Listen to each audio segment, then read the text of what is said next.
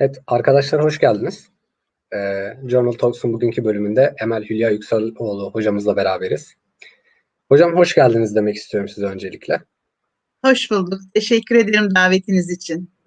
Ee, lisans eğitimini e, Orta Doğu Teknik Üniversitesi'nde biyoloji bölümünde yapan hocamız, e, yüksek lisansını İstanbul Üniversitesi Adli Tıp Enstitüsü'nde HLA DQA1 lokusunun PCR'a göre adli bilimler açısından değerlendirmesi üzerine yaptı.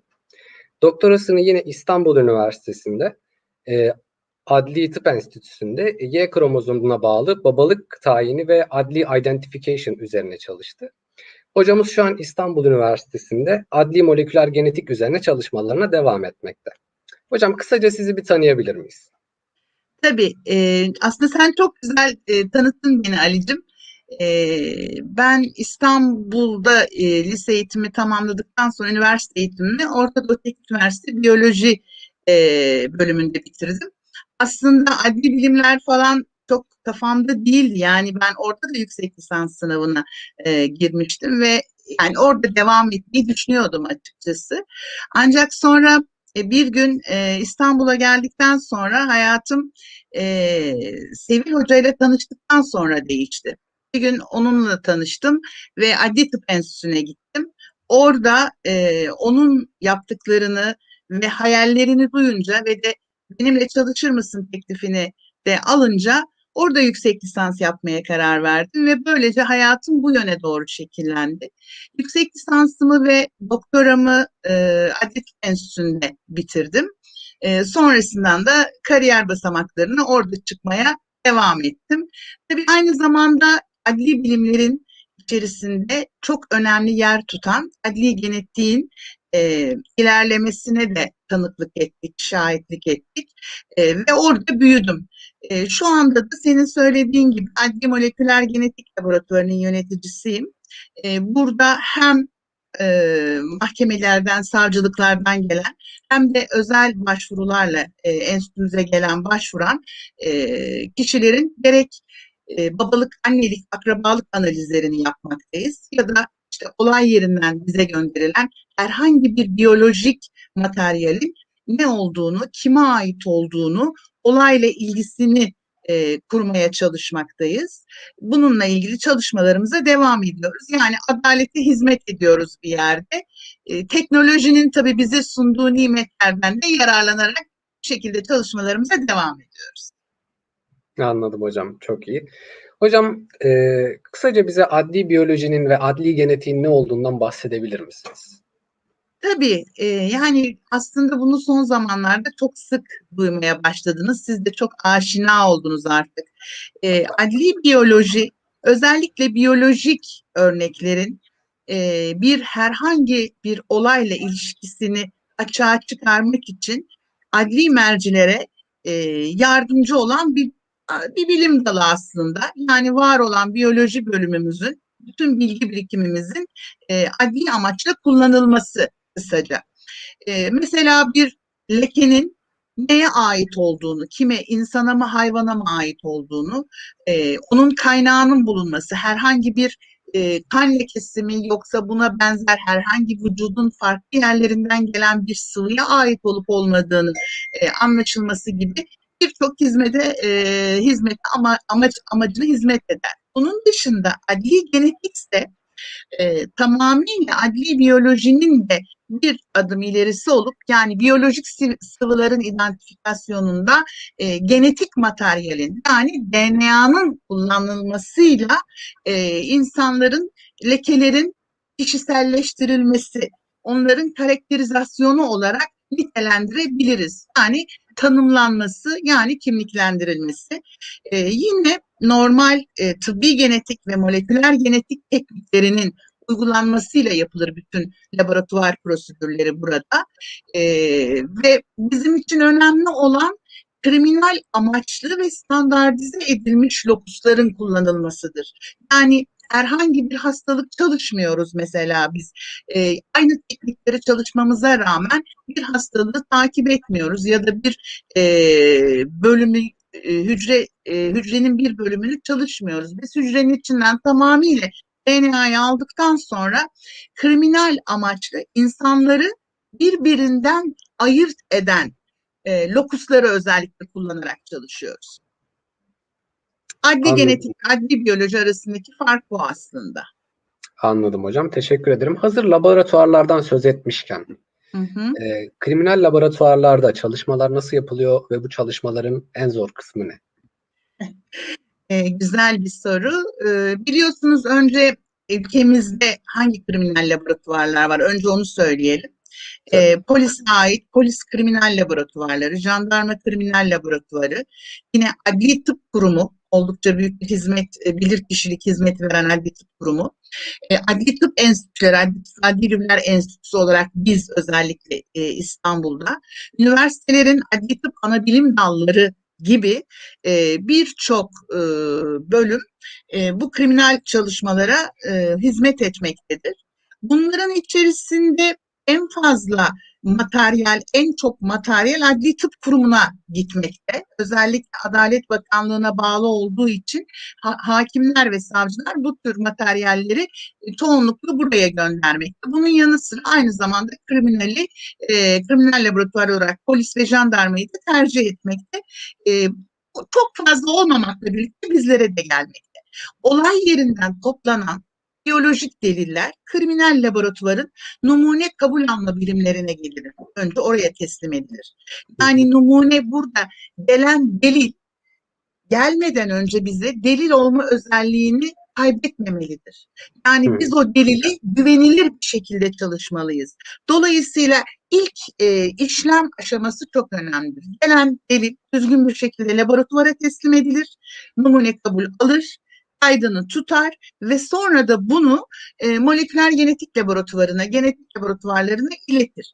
Burada gelen lekenin türüne göre, cinsine göre bir cinsel saldırı vakası mı, e, bir cinayet mi, e, yoksa olay yerinde bulunan bir kemik parçası mı, bir e, ceset mi ya da fetika bir materyali mi gibi e, birçok biyolojik materyal olabilir.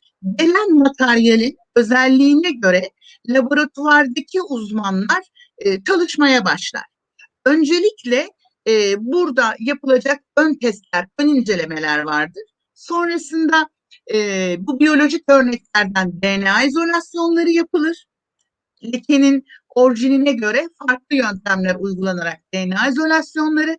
Sonra bunlar e, PCR'la polimeraz zincir reaksiyon cihazlarında amplifikasyon yaparak çoğaltılır ve sonrasında da artık görünür hale gelebilmek, getirebilmek ve bunları e, tiplendirebilmek için kapiler elektroforez dediğimiz e, oldukça e, otomatize edilmiş sistemlere yüklenir ve bir takım sonuçlar elde edilir. Sonrasında bu sonuçlar laboratuvar uzmanı tarafından değerlendirilir, karşılaştırmalar yapılır ve e, uzman bir rapor yazar. Bu laboratuvarda çalışan, bu çalışmaya e, eli değmiş insanlar da hep beraber bu raporu imzalar ve sonrasında da bu rapor e, mahkemeye gönderilir. Kısaca size bir özet yapmış oldum. Evet. Peki bu olayın en zor kısmı, en hani En zor kısmı. uğraştıran kısmı nedir? Şimdi şöyle, e, eğer olay yerinden geliyorsa materyal çoğu zaman e, bulaşık dediğimiz kontaminasyonlu gelir bize.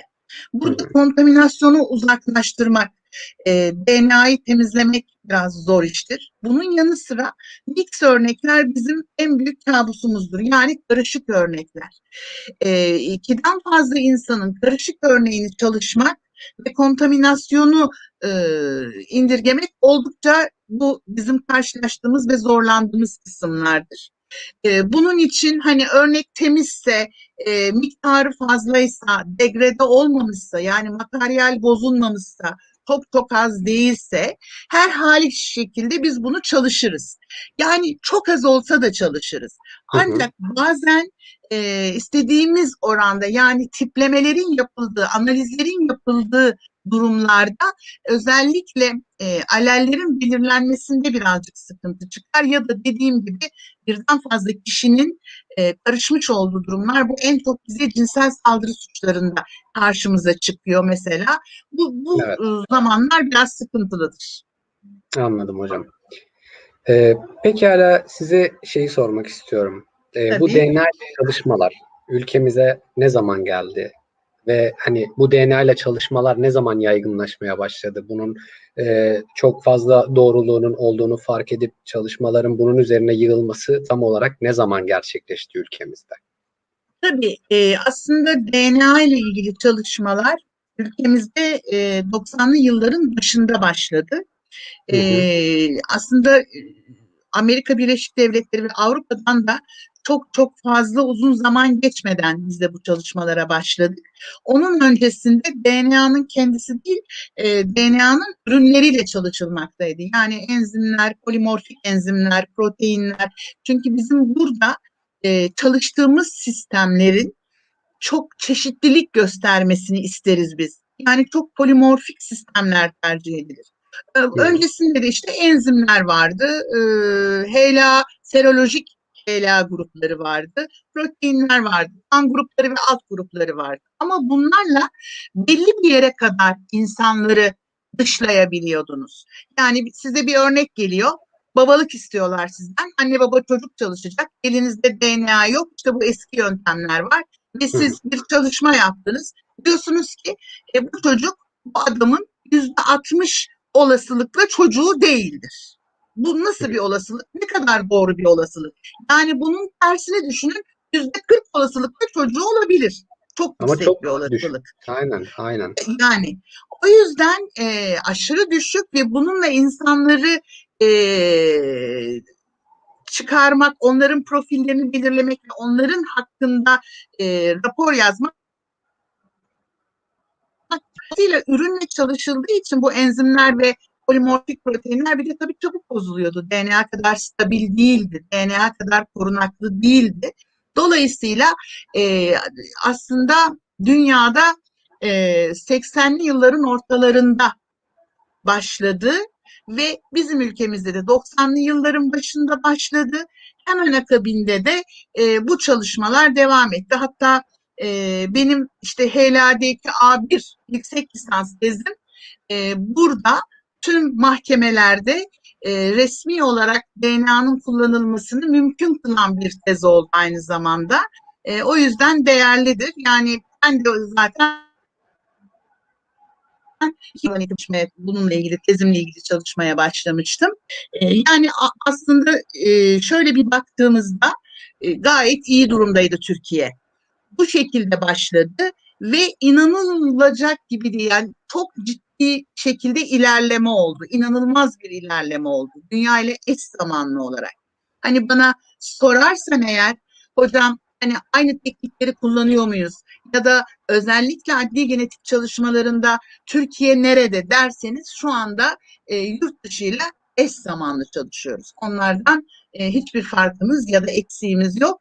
Hatta size biraz önce saydığım bütün kurumlar jandarma olsun, e, polis olsun, adli tıp kurumu olsun bizler aynı zamanda akredite kuruluşlarız. E, standartize bütün sistemlerimiz. Dolayısıyla yurt dışında da bu önemli olduğu için e, EMSI dediğimiz European ağı içindeyiz aynı zamanda. Adli bilimler ağı içerisindeyiz. Avrupa Adli Bilimler ağı içerisinde. Türkiye'deki jandarma olsun, polis olsun, kurum olsun e, şu anda eş zamanlı çalışmalar yapıyoruz. Anladım hocam. Bu aslında bizler için çok önemli, çok sevindirici bir durum oluyor. Kesinlikle. Peki hocam, e, DNA parmak izinin ne olduğunu bize açıklayabilir misiniz ve bunun analizi nasıl yapılıyor? Tabii.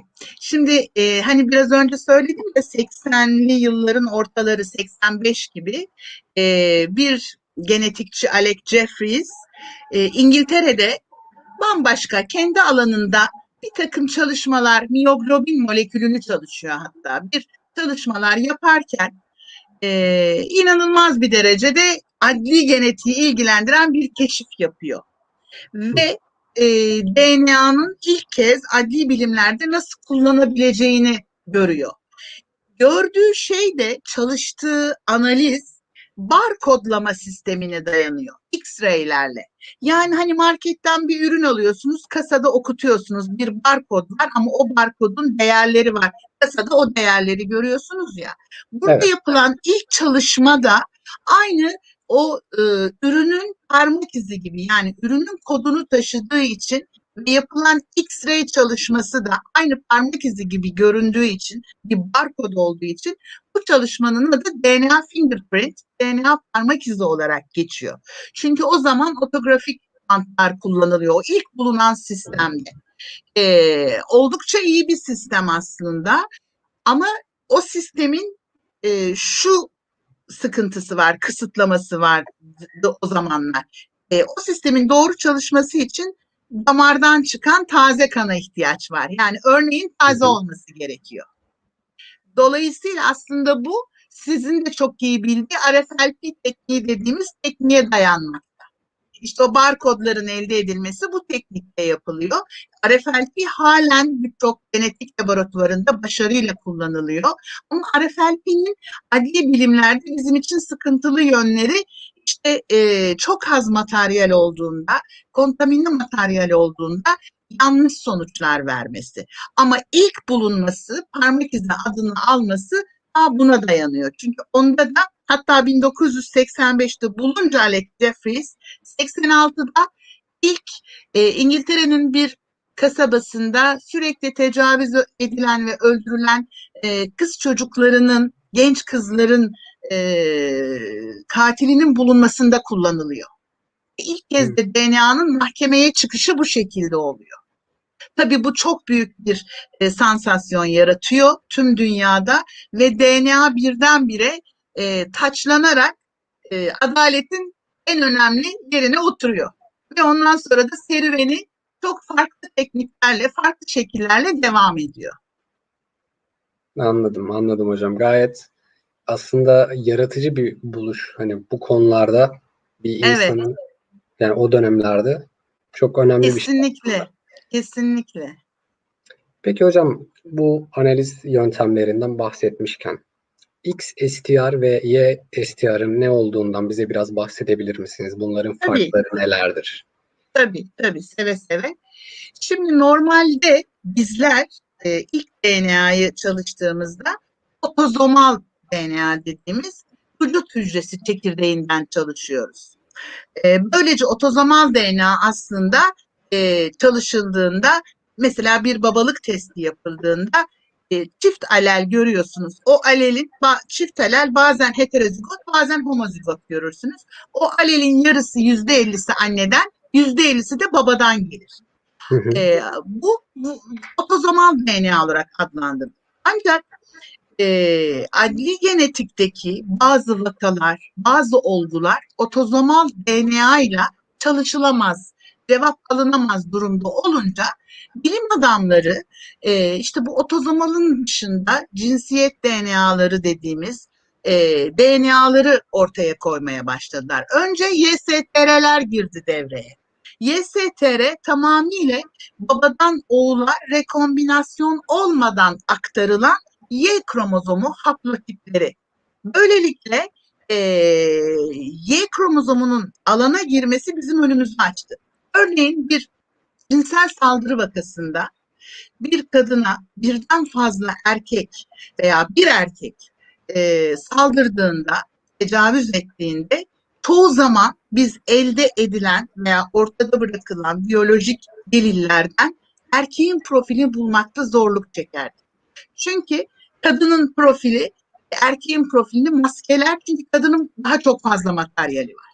Böyle durumlarda otozomal DNA başarısız kalmaktaydı.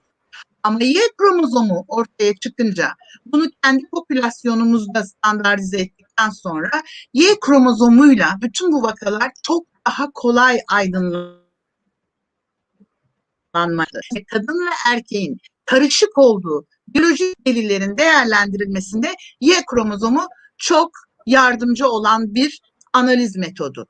Ne zaman canımızı sıkıyor? Eğer bir olaya aynı erkek sülalesinden üç kişi katılırsa yani atıyorum baba, oğul ve amca aynı Y kromozomunu taşıdığı için orada bir tek ayrım yapamıyorsunuz. Ama bunun dışında Y kromozomu şu anda e, çok ciddi kullanılan başarılı tekniklerden bir tanesi. Dediğim gibi karışık biyolojik sıvıların, kadın erkek e, sıvılarının e, ayrıştırılmasında göç yollarının araştırılmasında, geriye doğru erkek e, babayı veya dedeyi, erkek sülalesini bulmakta bize çok fayda yaratıyor. Aynı zamanda XSTR'de aynı şekilde Y kromozomu gibi e, kadından gelmekte X e, kromozomu da. XSTR de bir cinsiyet kromozomu ve bununla yapılan analizlerle de e, yine babaya ulaşılamadığı durumlarda eğer babaanne yaşıyorsa bizim işimizi çok kolaylaştırıyor XSTR. Çünkü babadaki X kendi annesinden geldiği için kız torunda babaannedeki X'i taşıdığı için e, onların ilişkilerinin tespit edilmesinde işimize çok fazla yaramakta. Bunların dışında bir de mitokondriyal DNA var. Yine o da günümüzde oldukça etkin olarak kullanılmakta.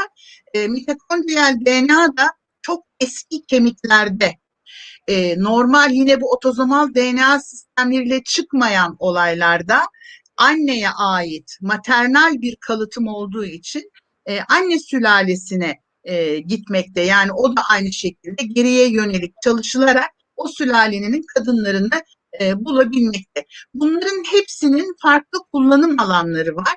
E, ama günümüzde normal bir materyal varsa hani otozomal DNA tercih edilir. Ancak işte cinsel saldırı, fethi kabir e, gibi bir takım araştırmalar, akrabalık ilişkileri sorgulanıyorsa ve otozomal DNA ile açıklanamıyorsa bana sorduğunuz YSTR, XSTR, X kromozomu ve mitokondriyal DNA tercih edilmektedir. Çok teşekkürler hocam. Çok açıklayıcı oldu üç yöntem içinde. Ee, peki şöyle bir baktığımız zaman aslında çok fazla düşündürülecek bir konu bu. Yani üstüne belki günlerce oturup konuşulsa bir sonuca varılamayacak bir konu ama yine bu konuda sizin de görüşünüzü almak isterim. Tabii. Ee, davranışsal olarak bakıldığında suça veya şiddete yönelimde bir genetik etmen e, oluyor mu burada? Yani adli genetiğin burada ilgilendiren bir durumu oluyor mu? Mesela atıyorum baba e, genetik olarak... Bize ol, oluyor. Efendim hocam? Kesinlikle etkisi var. Her ne kadar yani ilişki kuruluyor. Ee, hemen hemen bütün dünyada bu tür çalışmalar geçmişten günümüze devam ediyor. Bu davranış genetiği, e, bir takım e, mental hastalıklar ya da suça meyillik, özellikle saldırganlık geni diye hatta adlandırılan bir takım genler var. E, ancak tabii bunların çalışılmasında e, şu anda teknoloji bayağı ilerlediği için daha çok yol kat edebiliyoruz. Çünkü siz bunu sadece genetiğe atfedemezsiniz. Burada çevre de çok önemli bir etken. Yani çevreyle genetiğin e, birbirini biliyoruz ama e, ciddi anlamda hele ki genetik çalışmalar çok ciddi ivme kazandı. E, Türkiye'de de ve tüm dünyada da bu çalışmalar daha çok aydınlatılmaya başlandı. Mesela ben bir doktor öğrencimle işte yeni yayınını da yaptık. Tezi bir sene önce bitmişti. Makalesini de iyi bir dergide yaptık. E, antisosyal kişilik bozukluğu e, hastalarını çalıştık. Yani antisosyal kişilik bozukluğu te- teşhisi konmuş bir psikiyatrist tarafından bu teşhis konmuş olan kişilerden e, kan alarak onlardan işte metilasyonlara ve gen ekspresyonlara bakılarak e, gerçekten aradaki ilişkiye baktık. E, çalıştığımız hasta grubu hani 150 civarı falandı. Bunun tabii sayının arttırılması gerekiyor. Ama yine de e, anlamlı e, bağlantılar bulduk. Yani bu çalışmalar devam ettikçe, hatta ilgili genler e, keşfedildikçe, onun üzerine bu bağlantılar oldukça bence bunun e, çok daha hız kazanacağını düşünüyorum. Ama kesinlikle e, bir genetik aktarım, genetik geçiş söz konusu. Ama bu nasıl işliyor? Yani hani her bunu taşıyan insan bu agresifliği gösteriyor mu? Ya da e, bu, bu geni taşıyan insan bir yerde hayatının bir dönemi susuyorsa bu gen, bunu aktive eden başka bir davranış mı var? Bunlar için daha çalışmalar devam etmekte. Çünkü biraz önce söylediğim gibi çevrenin bu konu üzerinde çok büyük etkisi var. E, çevre şartlarını mutlaka e, göz önüne almalıyız. İşte evlatlık çalışmalar bunlar için. E, yorucu çalışmalar bunlar. E, ancak e, tüm dünyada çok ilgi çektiği için ve de alanımızla da çok ilişkili olduğu için suç önleme stratejileri açısından önemli. O yüzden e, bu çalışmalar yapılmaya devam ediliyor. Anladım hocam. Çok teşekkür ederim. Ee, Rica ederim. bizim şu anlık size yönelteceğimiz sorular bunlar. İsterseniz e, sunumuza geçelim. Tabii. Ben kameramı, mikrofonumu kapatacağım. Yine burada olacağım. Sunumunuzu şöyle aldım ekrana. Tamamdır. Ee, sunumunuzu bitirdikten sonra chat'e ve WhatsApp grubumuza gelen soruları tekrar size yönlendireceğiz hocam. Tamam. Tamam. Çok teşekkür ediyorum. Ben teşekkür ederim hocam. Buyurun lütfen. Teşekkürler. Ee, evet, beni dinleyen arkadaşlar, e, biraz önce Ali'nin sorularına cevaplar vermeye çalıştım. Umarım sizin de kafanızdaki bir takım bir nebze onları da e, cevaplandırmış e, oluruz. Bugünkü sunumumuzun adı aslında DNA bize ne söyler? Bu kadar çok konuşuyoruz. E, bize bu kadar faydası olduğunu söylediğimiz bir molekül. Çünkü DNA molekülü eşsiz bir molekül. Etrafınıza baktığınızda kimsenin birbirine benzemediğini görüyorsunuz. İkizler dışında, tek yumurta ikizleri dışında. Bu benzerliğin tabii çok büyük bir önemi var. Ne kadar benziyoruz ya da neden benzemiyoruz birbirimize sorusuna ya da e, DNA adli genetik alanda bize neler söylüyor? Biz ne yapıyoruz? E, birazcık bunun üzerinde konuşmaya gayret edeceğiz e, bugün. Evet. Şimdi e,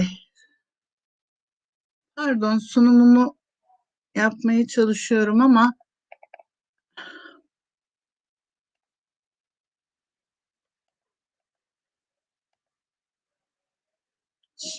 olay yeriyle ilgili öncelikle e, DNA'nın bize olayın ve olay yerinin ne olduğunu söyleyeceği bir e, yer olduğunu bilmemiz gerekli öncelikle. Yani olay yeri bize e, orada kimlerin olduğunu söyler. Suçun ne şekilde işlendiğini anlatır. Bunu nasıl anlatır? Tabii ki oradaki sessiz deliller, sessiz tanıklar söyler bunu. Oradaki e, incelemeyi yapan uzmanlar olayla ilgili olabileceklerini düşündükleri e, bir takım delilleri toplar ve e, lo, biraz önce konuştuğumuz laboratuvarlara gönderirler. Kriminal laboratuvarlara gönderirler. Böylelikle bu kriminal laboratuvarlarda e, bu deliller çalışılarak e, nasıl olması gerektiği e, ve ne, nasıl değerlendirilmesi gerektiği anlaşılır. E, özellikle olay yeri mağdur ve e, olay yerindeki mağdurun, olay yerinin ya da kurbanın ya da birden fazla kişiler olabilir arasındaki ilişkinin birbiriyle ilgili etkileşimini bize biyolojik delil söyler. Yani DNA söyler. Bununla birlikte e, bu e, delillerin e, kişiyi masum olarak ortaya koyması, masumiyetini ispatlaması ya da e, bu kişilerin e, suçla ilişkili olduğunu söyleyebilmek işte delillerin doğru ve düzgün bir şekilde bize e, gönderilmesiyle mümkündür. E, bunun içinde delillerin olay yerinden gelen delillerin laboratuvarda konuşturulması yani dinlenilmesi işlemidir bu. Yani ne demek bu? Ee, Ali'cim sunumu çalıştıramıyorum ikinci, üçüncü slaytlar arasındaki geçişlerde. Hocam e, fareyle yapmayı deneyebilirsiniz. Fareyle geçebilir belki. Fareyle yapıyorum ama e, tamam şöyle yapalım. E, tekrar kapatıp paylaşabilirsiniz istersen, e, isterseniz ekranınızı. O zaman düzelebilir muhtemelen. Anladım. Tamam bir şöyle bir kapatalım. Tekrar paylaşalım.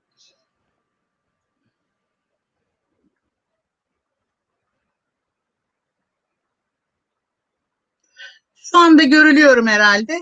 Evet hocam ekranınız geldi tekrar. Bir slaytlar arasında tamam. evet şu tamam. an bir sıkıntı tamam. yok. Tamam, teşekkür ediyorum. Evet teşekkür arkadaşlar, e, konuşmamıza devam edelim. E, dolayısıyla olay yerinden gelen biyolojik delillerle bir suçun kim ya da kimler tarafından gerçekleştirildiği sorusuna cevap verebilmek, cevaplayabilmek mümkün olabilir. Böylece e, suçla ilişkisi olan ya da olmayan kişiler mahkemenin bize mahkemenin bize sorduğu cevaba göre e, yazdığımız raporlarla bunu e, ortaya koyabiliriz. Bunun dışında bu sonucu söyleyebilmek için yani biyolojik leke çalışılırken ya da biyolojik delil çalışılırken e, bir takım kullanılan biraz önce de zikrettiğimiz analizler var. Bu delillerin e, analizi ve değerlendirilmesi çok önemli bir aşama. Çünkü evet DNA tehditsiz bir molekül. Bunu mucizevi bir molekül olarak tanımlamak da mümkün. Yalnız e, istenmeyen durumlara da sebep olabilir. Nasıl olabilir? Eğer biyolojik e, çalışmalar, analizler e, doğru donanımla, doğru bilgili insanlarla yapılmazsa siz yanlış sonuçlar da çıkarabilirsiniz. Ya da herhangi bir kontaminasyona maruz kalmışsanız yine yanlış bir sonuç çıkarabilirsiniz. Dolayısıyla bu delillerin oldukça özenli ve e, dikkatli çalışılması gerekmektedir arkadaşlar. Peki, dedik ki biyolojik delil nedir? Şimdiye kadar bahsediyoruz ama biyolojik delil nedir?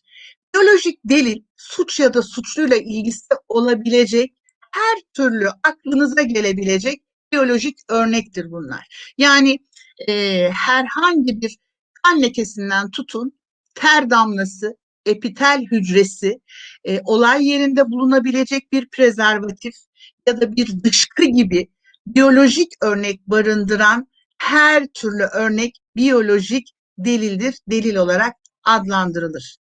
Ve bu biyolojik deliller özellikle kimliklendirmenin sorgulandığı tüm olgularda çok önemli. Birinci derecelerde e, yararlı delillerdir arkadaşlar. Ve bu biyolojik deliller DNA içerir. Tüm çekirdekli hücrelerin içerdiği gibi. İşte içtiğiniz bir olay yerinde içilip de bırakılan bir sigara izmariti, kurbanın üzerindeki bir ısırık izi ya da e, kullanılmış bir kürdan, kan lekesi, e, olay yerinde bulunan çarşaf veya herhangi bir halı üzerinde bulunan e, lekeler, sperm lekesi olabileceğini düşündüğünüz lekeler gibi. Bütün bu biyolojik lekeler olayla ilgili olan e, şahısların DNA'sını içermektedir arkadaşlar. İşte bildiğiniz gibi bu mucizevi e, DNA molekülde hücrenin çekirdeğinde yer alır kendileri ve kromozomlar üzerindedir. E, biz laboratuvarda bu kromozomlar üzerindeki DNA'ları çıkararak, izole ederek e, bir takım analizler yaparız. Yaptığımız bu analizler sayesinde gerek failin bulunması, gerekse yanlış kişilerin suçlamaları e, bulunması çok önemlidir arkadaşlar. Yani burada suçluyu bulmak kadar masumu bulmak, masumu dışlayabilmek de çok önemlidir. Hatta ve hatta masumiyet karinesine baktığınızda suçlu bir insan e, elini kolunu e, ceza almayıp sallayarak dolaşabilir ama onun yerine bir masumu e, hapse koyarsanız bu ötekinden de daha da kötü ve gelmeyen bir durumdur. Dolayısıyla bizim işimiz aslında DNA'ya baktığınızda DNA adli genetikte dışlama için kullanılır. Çünkü DNA bir dışlama bilimidir. DNA ile dışlama yaparsınız. Hem de çok kuvvetli bir dışlama yaparsınız. Yapacağınız bu dışlama yüzde yüz bir dışlamadır. Dolayısıyla DNA'nın asıl gücü buradadır. Yani bu çocuk bu adama ait değildir. Olay yerinde bulunan bu e, kan lekesi şüpheliye ait değildir dediğinizde yüzde yüzden bahsediyorsunuzdur. Dolayısıyla bu tam bir dışlama bilimi olduğunu ortaya koyar.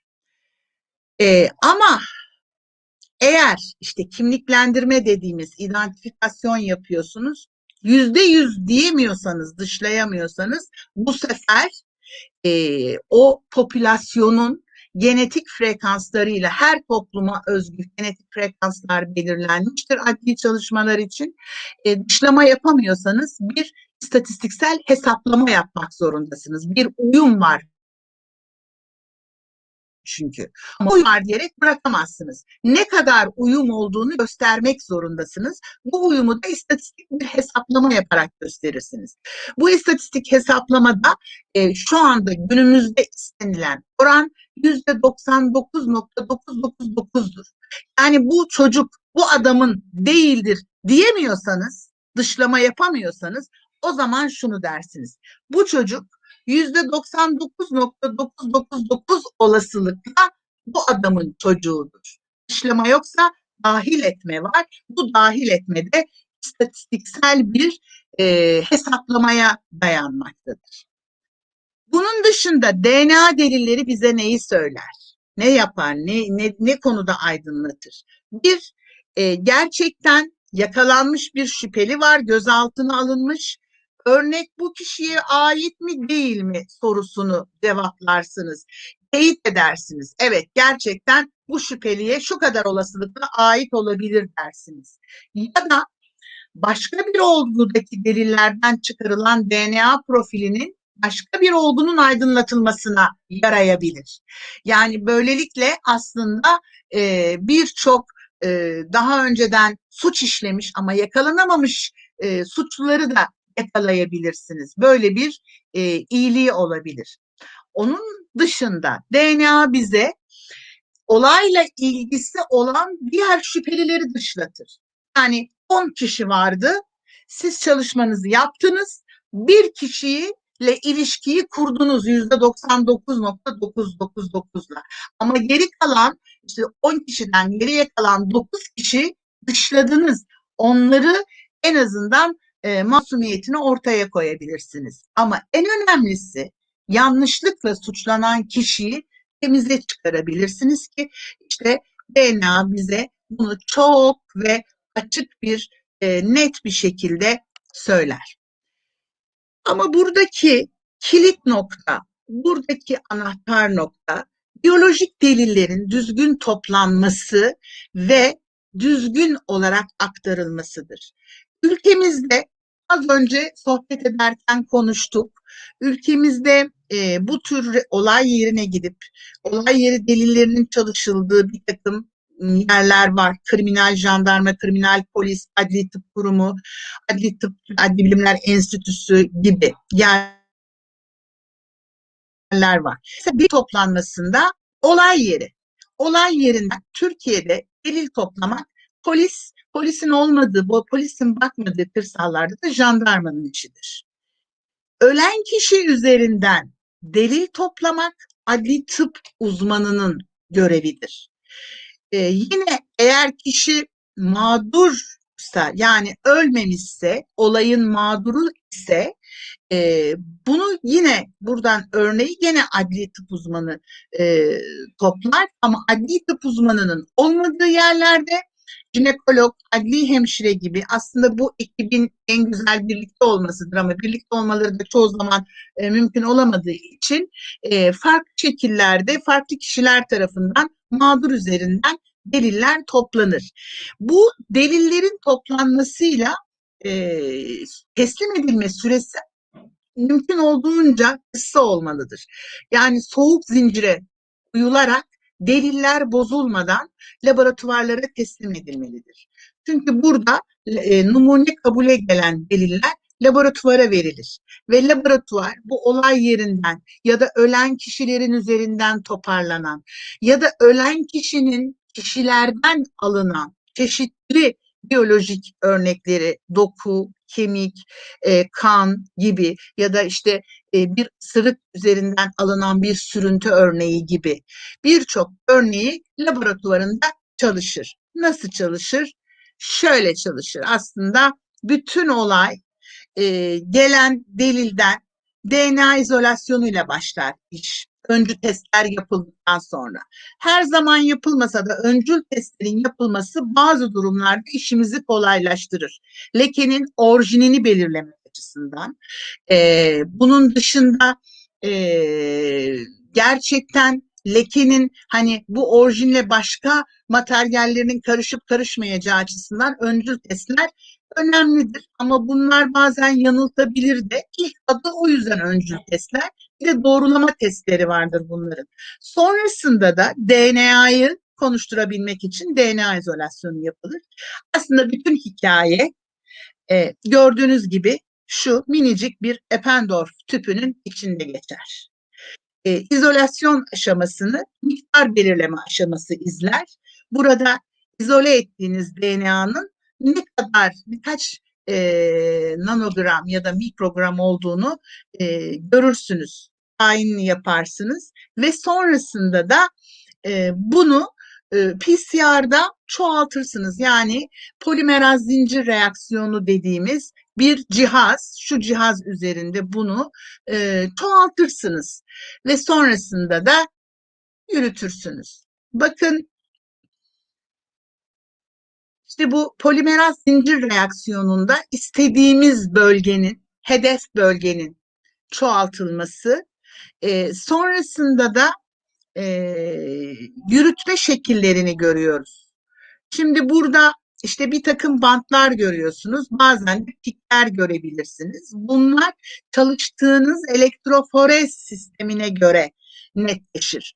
Yani bir kapiler elektroforez çalışıyorsanız bunu bu sonuçları çalıştığınız e, DNA'ya ait alelleri pikler olarak görürsünüz.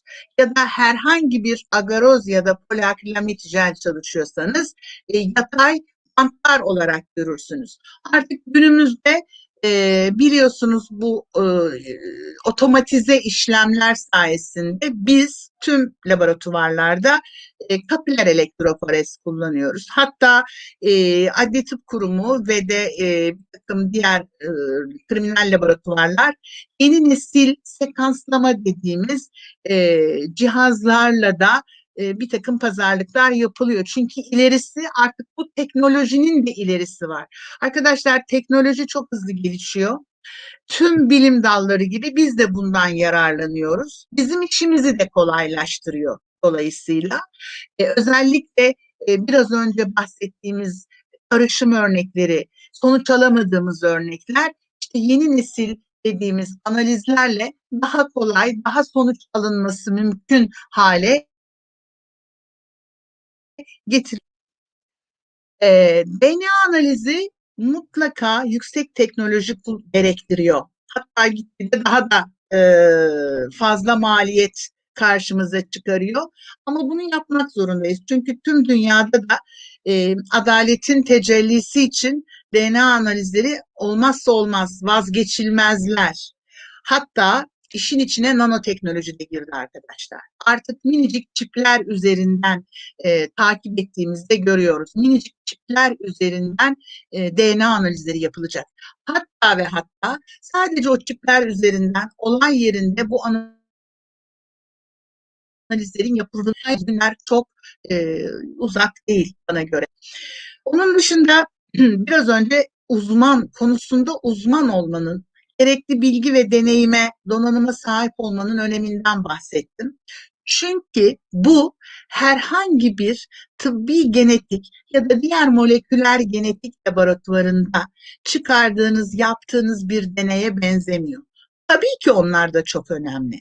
Ancak burada sizler insanların bir şekilde e, hayatlarına dokunuyorsunuz. Yani hakim sizin verdiğiniz rapora ciddi anlamda destek alıyor kendine ve o kişi hakkında bir hüküm veriyor. Bu hükmün içinde tabii ki diğer delillerin de çok fazla önemi var ama DNA delillerinin önemi de yatsınamaz. Dolayısıyla hakime rehber olsun, eline destek olsun diye yazdığınız rapor doğru olmak zorunda. İkinci bir şansınız yok. Yani mümkün olduğunca yanlış yapma lüksünüz yok burada.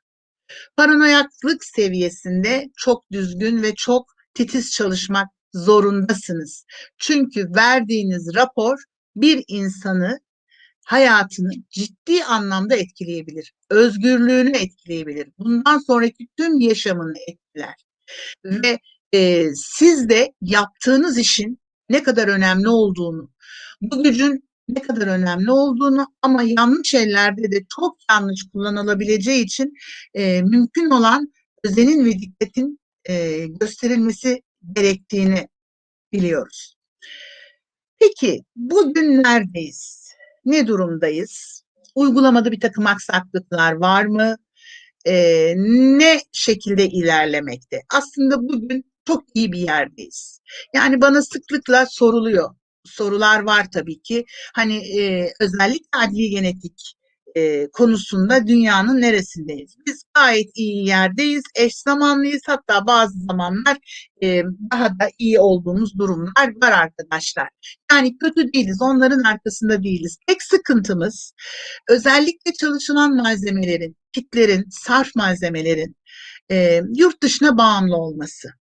Ve e, bu özellikle döviz üzerindeki dalgalanmalar ve yükselmeler, yükseltmeler bizim işimizi çok etkilemekte. E, maliyeti çok yükseltmekte.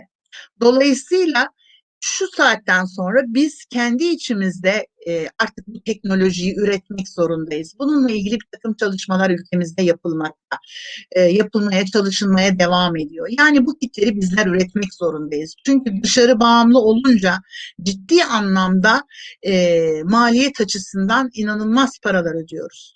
Uygulamadaki aksaklıklar neler? Aslında baktığımızda işte e, en ufak bir durumda e, sürekli malzeme almak zorundayız. İşte dünyada yaşanılan bir olaydan sonra işte gümrükten çekemiyoruz gibi sözler de duymuyor değiliz.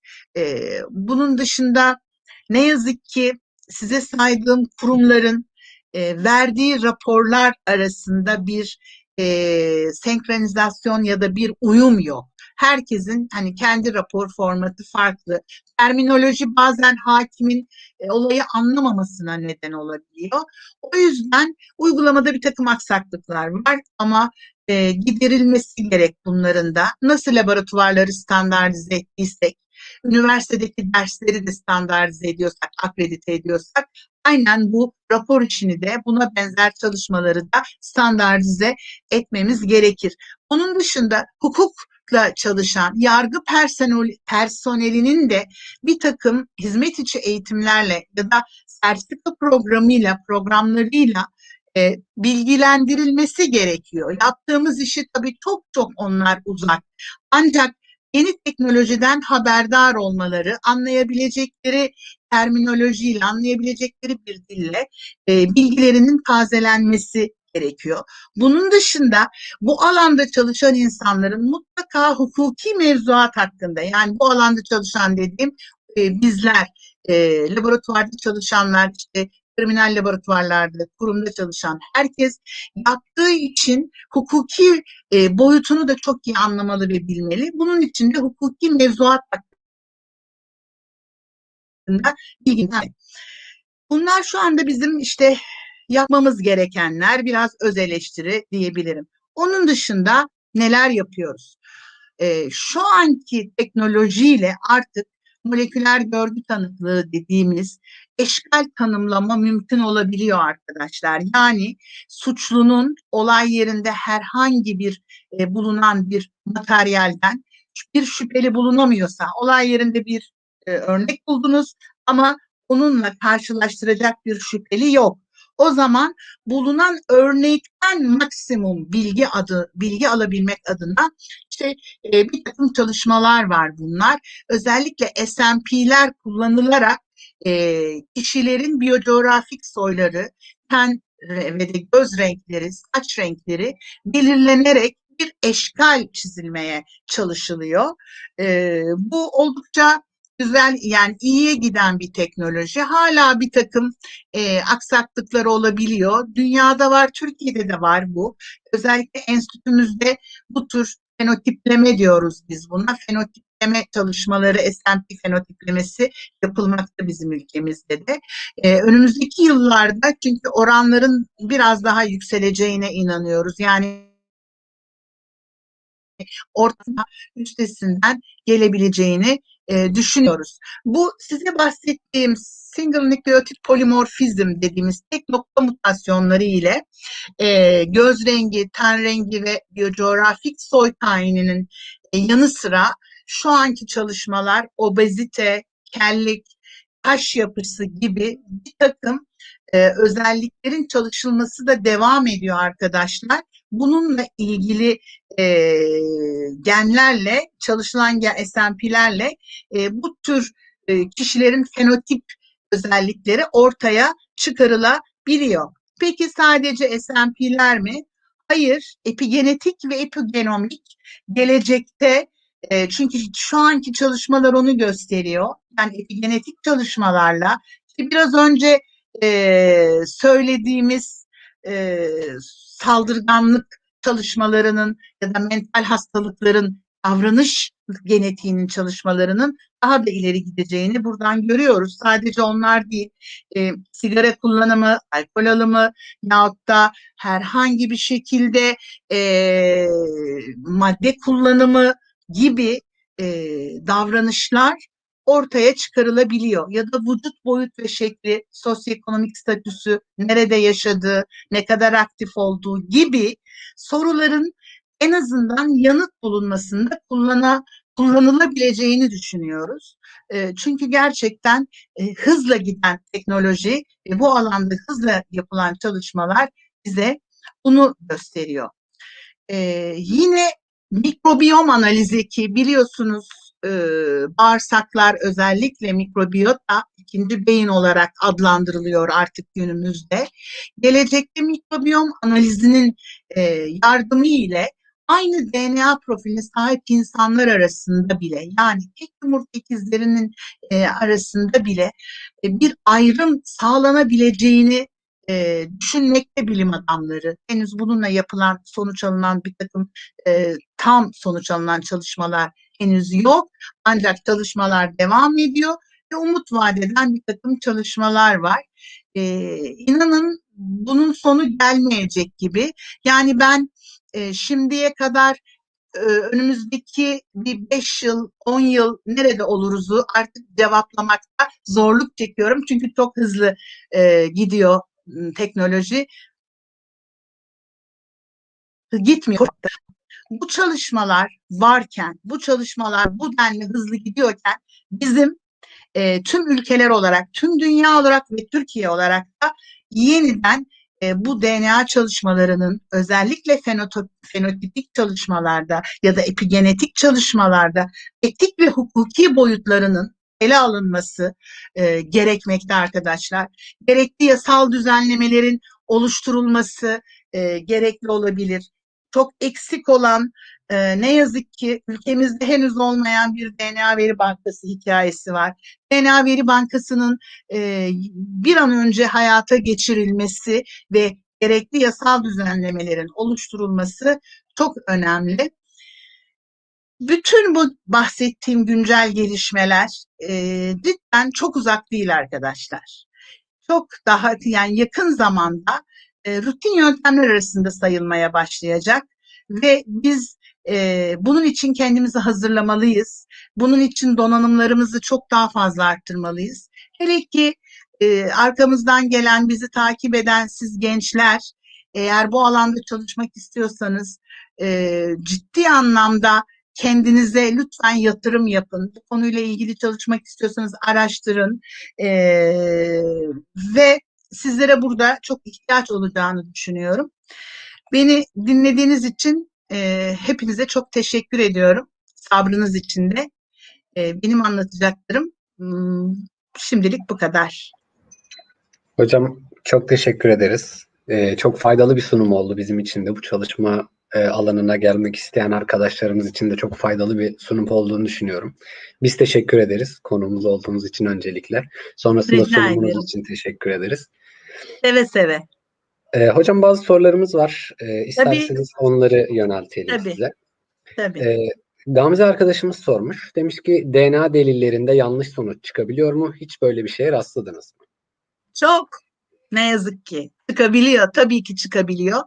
Çalışmanın işte biraz önce üstünde durmamın e, üstüne durmamın amacı buydu. E, çalışmanın birçok aşamasında hata yapılabilir. E, izolasyondan en son raporlama aşamasında hata yapılabilir. Örnek getirilme, örnek teslim aşamasında hata yapılabilir. E, eğer laboratuvarın kendini test edecek bir sistemi varsa içerisinde bu hatalar bir aşamada bulunur ve telafi edilebilir.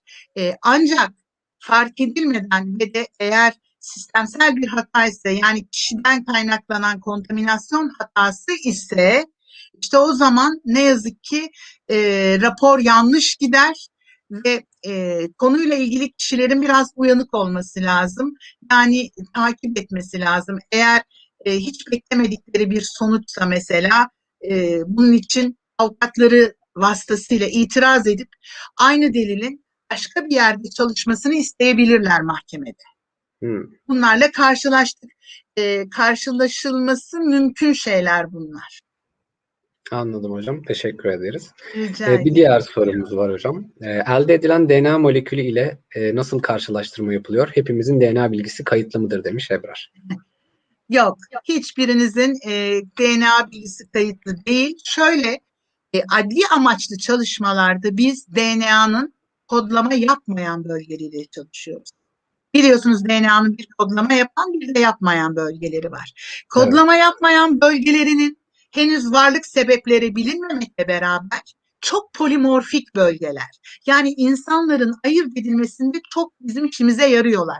Ama herhangi bir kodlama yapmıyorlar. Yani ben sadece o kısmı çalıştığım için kimsenin genetik bilgisine ulaşmış değilim. Yani o insanın e, ne zaman kanser olacağı, hangi hastalığı taşıyacağı, ileride ne olup olmayacağı ile ilgili hiçbir bilgiyi bilmiyoruz. Dolayısıyla kodlama yapılmayan bölgenin çalışılmasının güvencesi bu. Bunun yanı sıra bize gelen örnekler belli süreler şey, zamanda imha ediliyor. Zaten e, çalıştıktan sonra kalan örneği siz mahkemeye gönderiyorsunuz. Hiçbir şekilde örnekler hani elinizde sürekli sizinle kalmıyor. Anladım hocam. Teşekkür ederiz. Ee, yine Ebrar sormuş. Bu alanda çalışmak isteyen bilim insanı adaylarına tas- e, tavsiyeleriniz nelerdir? Demiş. Yani e, öncelikle bu alanda yüksek lisans ve doktora yapmaya eğer gerçekten istiyorsanız, eğer e, zor bir yani sorumluluğu da yüksek ama bir o kadar da keyifli bir alan. e, Sevmeniz gerekiyor. Eğer istiyorsanız, çalışma yapmak istiyorsanız kendinizi geliştirmeniz lazım. İlk adımınız da bu alanda bir yüksek lisans yapmaktır. Belki yüksek lisans sonrası doktora da yapmak isteyebilirsiniz. Ancak e, bu yüksek lisans size çok şey kazandıracaktır alanla ilgili bilgilendirmede. Çünkü bizim özellikle ben tabii enstitü hakkında hiç bilgi vermedim. E, İstanbul Üniversitesi Cerrahpaşa Adli Tıp ve Adli Bilimler Enstitüsü e, tamamıyla multidisipliner bir eğitim veren bir enstitü. Yani üç ana bilim dalımız var bizim. Fen bilimleri, tıp bilimleri ve sosyal bilimler olmak üzere.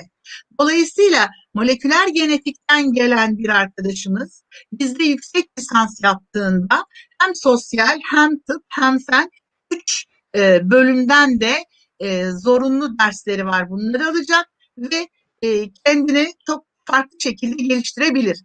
Ya da ya bu iş çok zormuş ben vazgeçtim diyebilir. Hani benim onlara nacizane fikrim öncelikle yüksek lisans. Anladım hocam. Teşekkür ediyorum. Sema arkadaşımız sormuş. Demiş ki suça yatkınlık genlerinin erken evrede e, belirlenip önlem alınmasını etik açıdan nasıl değerlendirirsiniz? Yani şu anda e, de biraz önce söyledim aslında. Bunu direkt olarak e, nitelendirmemiz çok zor. E, ve de yanlış kullanımlara, zararlı kullanımlara da neden olabilir. Nitekim olmuş Amerika Birleşik Devletleri'nde. Mono, e, monoaminoksidaz geni, MAO geni dediğimiz saldırganlık geni böyle internette yazdığınızda direkt o çıkar karşınıza kontla beraber. E, orada e, çok iyi, zeki bir avukatın e, müvekkilini iyi savunmasıyla işte bir analiz yaptırmış. Mao geni pozitif taşıyor, aleli var. E, hı. dolayısıyla elinde değildi saldırganlığı deyip ilk aşamada mesela beraat alabilmiş. Ama bu çok doğru bir şey değil. Çok ilginç. Dolayısıyla e, bu çok e, yasal olmayan şekilde kullanılabilir. Ama biraz önce dedim ki yani bunu sadece genetiğe bağlamak çok doğru değil. Yani bunu sadece bunu taşıyor, bunu taşıyor demesi mutlaka ve mutlaka saldırganlık göstereceği anlamına gelmez. Başka şeyler de bir arada olması lazım. Bunlar linkage dediğimiz çoklu sistemlerin aslında bir arada taşıdığı. Tabii ki etkisi var ama bu bu kadar büyük boyutta değil. Ee, evet haklı doğru bir soru. İleride yine zeki bir avukat bu sefer Türkiye'de bunu bilip bu şekilde yola çıkıyor mesela. Teşekkür ederiz hocam tekrardan. Ee, bir sorumuz daha var. İpek arkadaşımız sormuş. Türkiye'de DNA parmak izi ne kadar yaygın? Her suçludan parmak izi gibi DNA örneği de alıyorlar mı? Demiş. Yok almıyoruz. Şöyle e, parmak izi farklı bir şey. Çok önemli o da ayrıca ama e, bir kere DNA kişinin e, eşsiz bir molekülü yani invazif bir yöntemle ya ağız içinden sürüntü ya damarınızdan kan alınarak DNA örneği aldığı için hakim kararı gerektiren suçlarda mutlaka hakim izni ve hakim kararı gerekli onun e, istediği şekilde örnek alınabilir. O istediği zaman kafamıza göre herkesten DNA örneği alınamaz. Alamayız da zaten. Anladım. Peki e, yine İpek arkadaşımız sormuş. Demiş ki iki şüpheli tek yumurta ikizi ise ayırt etmede hangi yöntemler kullanılıyor? Bir, parmak izi. Tek yumurta ikizlerinin parmak izleri birbirinden farklıdır. Ama Hı. parmak izi alınamıyorsa eğer e, parmak izleri diyelim ki olayda bırakmamışlar. Do- dolayısıyla hangisi olduğunu bilemiyoruz. Bunun üzerine her ikisinin genomları sekanslanır. Çünkü bu yakın zamanda e, Almanya'da yapıldı ve tek nokta mutasyonlarına bakılıyor. Her ne kadar tek yumurta ikizleri de olsa, birbirlerine aynısı da olsa aralarında bir bazda değişiklik olabiliyor. Buna bakılarak e, biraz pahalı oluyor tabii tüm genomun analiz edilmesi. E, tasvir edersiniz çok ciddi bir maliyet ama böyle bir durum söz konusuysa insanların en azından hangisinin suçlu, hangisinin masum olduğunu ortaya çıkarmak için böyle bir sekanslama yapılabilir ve tek baz mutasyonlarına bakılarak e, karar verilebiliyor. Yapıldı bu Almanya'da. Anladım hocam. Çok teşekkür ederiz. E, şu an için başka sorumuz yok. E, Tamam. hocam katıldığınız için çok teşekkür ederiz. Tekrardan Ben şeref size, ben verdiniz. size çok çok teşekkür ederim. Sizin gibi e, gençlerin mümkün olduğunca e, ben e, şevklerini kırmak istemiyorum. O yüzden de hep katılıp anlatmak e, istiyorum. E, sizlere bunları gele yani en azından e, moleküler biyoloji ve genetiğin ya da biyolojinin bir alanı da burası. Hani eğer düşünürseniz bu alanın da e, ne yaptığını anlatmaya dilim döndüğünce anlatmaya çalışıyorum. Umarım ben de faydalı olmuşumdur. Ben size çok teşekkür ederim. Sizlerle birlikte beni davet ettiğiniz için, olduğum için. Çok Çok teşekkürler. sağ olun. Çok sağ olun. Hoşça Çok kalın. güzel bir yayın oldu. Hoşça kalın. İyi akşamlar. İyi akşamlar. Görüşmek üzere. Görüşmek üzere.